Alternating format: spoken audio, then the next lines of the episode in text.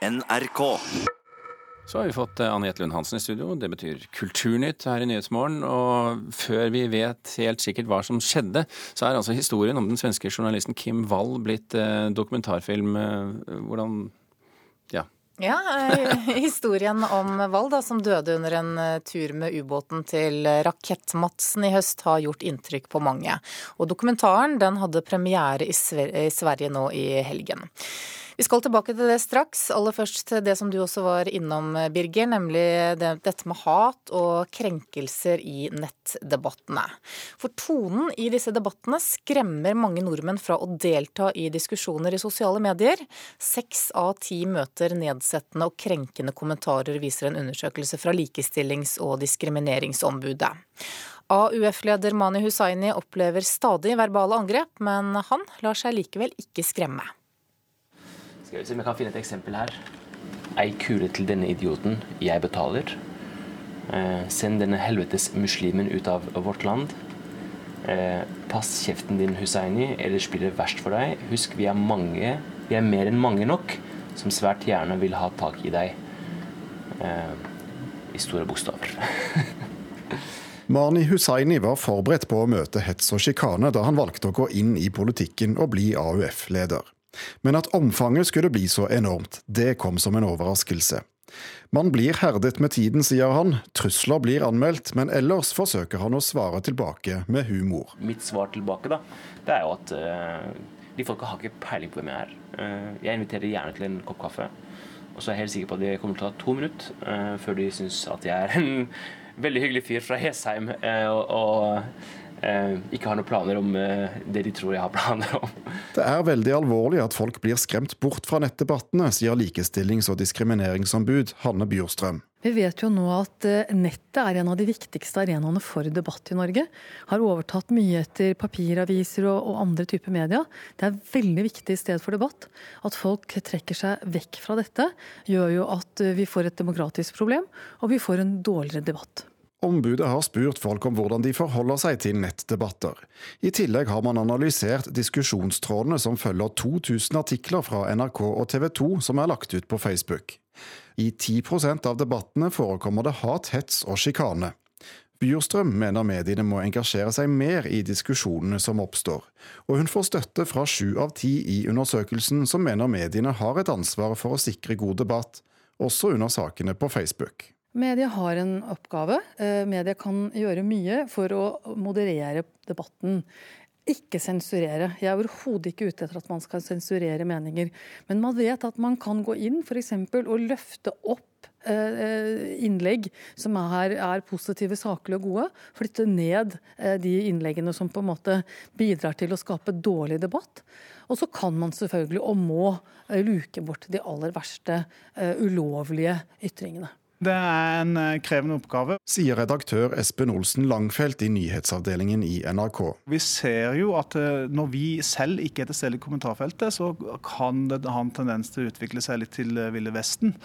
Men det er viktig for oss å gå inn i en dialog med de brukerne som har de sterkeste meningene, og, og eh, gi de noen gode råd for hvordan de skal oppføre seg. Og at vi ser også resultater av det når vi selv er til stede og vil ha en mer saklig debatt til stede på disse foraene. Den optimale måten å være til stede i diskusjonene på gjenstår kanskje å finne. Men det er ingen tvil om at NRK skal ha en plass og ta et ansvar i nettdebattene, understreker Langfelt. Vi er en allmennkringkaster som skal sørge for at de kommentarfeltene der eh, føler folk seg hjemme i og skal føle seg trygge i. Det er veldig viktig, eh, og det er et sted hvor vi kan snakke med folket og ikke til folket. Det er en utfordring som mange allmennkringkastere har og har hatt, og som vi løser bedre og bedre. Mani Hussaini forstår ikke at det skal være så komplisert å skille for folk hva som er greit å skrive, og hva som er over streken. Alle som deltar, har et ansvar for å vise folkeskikk. Reporter her, det var Thomas Alvarstein eh, Ove. Marjan Nadim, forsker ved Institutt for samfunnsforskning, god morgen. God morgen. Mani Hussaini er altså en av dem som får gjennomgå, hører vi her. Og tidligere her i Nyhetsmorgen så hørte vi også hva andre politikere blir utsatt for. Går det an å si noe om hvem som blir hardest rammet av hat og hets? Ja, så Denne nye undersøkelsen til Likestillings- og diskrimineringsombudet viser jo helt klart at det er på den ene siden innvandringsrelaterte temaer som genererer mest hatytringer. Eh, og på den andre siden at veldig mye av det hatet de finner, altså de største kategoriene som rammes på en måte av det hatet de finner på nettet, er mot etnisitet og religion som grunnlag. Og da, når de sier etnisitet, så er det i stor grad eh, folk med ikke-vestlig bakgrunn eh, som rammes. Og når de sier religion, så er det på en måte islam som er den store gruppen der.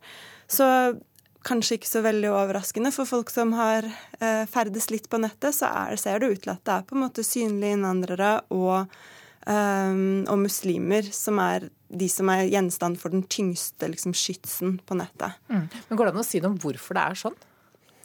Ja, altså jeg tenker Hatefulle ytringer på nettet reflekterer jo de fordommene og forestillingene om forskjeller mellom grupper som vi har i samfunnet ellers. Så dette gjenspeiler nok bare et samfunnsklima eh, generelt, hvor religion eh, generelt og islam spesielt nå markerer som et viktig eh, Har blitt en viktig skillelinje, da. Mm. Men hva er motivet da til de som sprer hat og krenkelser på nettet? Ja, så Vi har jo tidligere gått gjennom forskningen på dette feltet eh, og sett hva forskningslitteraturen sier om hvorfor folk denne, står bak denne typen ytringer. Eh, og Da er det tre hovedgrupper av motiver som ofte trekkes fram. Eh, det ene er jo det man liksom, kan forvente, kanskje. Dette med rett og slett en sånn sterk følelse av hat eller antipati mot bestemte grupper. Eh, men det forskningslitteraturen er ganske sånn enstemmig om, og som kanskje er litt overraskende, er at dette med en sterk følelse av hat er egentlig en mindre viktig motivasjon uh, for å stå bak denne typen ytringer. Og at dette med spenningssøkende kjedsomhet rett og slett ser ut til å være, uh, være en viktig del av det. Altså at folk kjeder seg, de ser på dette her med å på en måte diskutere på nettet med en for mange veldig drøy tone. Som, altså det blir et spill. da, Det ser på det som en del av et spill. Og det har også gått så langt som at det var, jeg så en forsker fra USA som mente at vi burde slutte å snakke om hate speech og heller snakke om boredom speech. Mm. Så dette med uh, kjedsomhet er en, en, del av det, eller i hvert fall det å se på det som et spill. Da. Uh, og så er det en annen type motivasjon som også trekkes fram i forskningslitteraturen. og det, dette med utdanning og opplysning. Altså det at folk som skriver denne typen ting, ikke nødvendigvis ser på det de skriver som krenkende, eh, men heller som opplysende. Altså at de ønsker å opplyse om sin eller sin gruppes ideologi, eh, deres verdenssyn.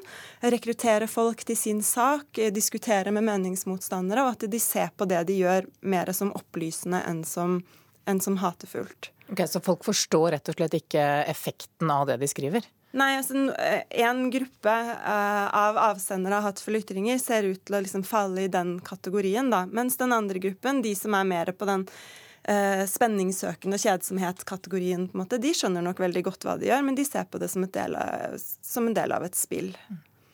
Noe er jo moralsk forkastelig å skrive, noe er uh, ulovlig. Hva syns du om politiets håndtering av slike saker? Ja, det, det, er litt vanskelig for meg å si noe om sånn generelt politiets håndtering. Men det, eh, det, jeg kan si, er jo at eh, Oslo politidistrikt har hatt et spesielt fokus på dette her de seneste årene og har gjort, eh, etter hva jeg kan skjønne, et veldig godt arbeid på dette feltet. De har nedsatt en egen hatkriminalitetsgruppe som tar denne typen saker veldig på alvor. Og, da, og det vi har sett i den perioden et, etter at de gjorde det, er jo at eh, både anmel antall anmeldelser har gått veldig opp, og også antall saker i rettssystemet har gått veldig opp. Marja Nadim, forsker ved Institutt for samfunnsforskning, takk for at du kom hit til Nyhetsmorgen. Da skal vi høre at historien om den svenske journalisten Kim Wold er blitt dokumentarfilm. Kristine Sterud. Journalisten Kim Wall forsvant og ble senere funnet død etter å ha gått om bord i en ubåt i Danmark nå i august. Og det er en danske som er tiltalt for drap og likkjending. Så nå har SVT i Sverige laga dokumentaren som hadde premiere nå i helga. Kim Walls foreldre har takket nei til å bli intervjuet, men vi har fått bilder som de tatt under hennes oppvekst. Hon arbeider over hele verden. Uganda, Sri Lanka, Haiti, Nordkorea. Hei. Jensson kom i kontakt med henne i New York. I think maybe she's born with this curiosity. Og filmskaperne som har lagd denne filmen, sier at målet er å fremstille hvordan Kim Wall var som person, og hos sitt engasjement i det å være journalist, uten å ha fokus på de medieoppslagene og de grusomme detaljene som var fra da hun døde. Mm. Det er også Dagbladet som skriver om denne saken i dag. Vi skal over til en annen sak som en av de andre avisene er opptatt av, nemlig Klassekampen. Mellom fem og sju millioner kroner som skal gå til norsk musikkbransje, er satt eh, på vent. Det handler om utbetalinger fra Gramo. For Gramo er musikkbransjens vederlagsbyrå. Altså de som har ansvar for at musikerne får penger når musikken de sin spilles på f.eks. radio. Og disse pengene som skulle vært utbetalt nå i desember, de blir utbetalt først i mars til neste år. Og dette skyldes en omlegging i Gramos datasystem, som egentlig skjedde i 2015, men som fortsatt skaper eh, problemer. Mm, veldig kort til slutt, Hva slags reaksjoner er kommet? Nei, Det er flere managere som syns det er veldig dumt at det skjer, mens Gramo sjøl sier at alle skal få de pengene som de skal ha, og de er lei seg over at det er forsinka. Takk skal du ha, Kristine Sterud. Forfatteren Bjørn Arild Ersland er først og fremst kjent for barne- og ungdomsbøkene sine. Han meldte overgang til voksenlitteraturen i fjor, og er allerede nå ute med roman nummer to. 'Hårfagre' er tittelen på den, og du har lest boka, kritiker Marta Norheim. Kan du merke at det er en ungdomsbokforfatter som står bak 'Hårfagre'? Nei, jeg kan egentlig ikke det. Altså, Av og til så kan en faktisk merke det, for forfatterne kan bli eh, litt i overkant ivrige etter å forklare ting, også for voksne som, som ikke trenger så mye forklaringer. Eh, men eh, her er det kanskje eneste det at Fortelleren, hovedpersonen her, han sliter en del med det å bli voksen. Men det er jo ikke en typisk eh, barne- eller ungdomsboksproblematikk. Det er en veldig typisk voksenbokproblematikk. Eh, på hvilken måte greier han ikke å bli voksen, da? Ja, jeg skal kanskje uh, Ja, han, uh, han, bor altså sammen med mor og far og er barnet i familien hele livet. Altså, Han kommer så å si ikke ut av uh, barnerommet.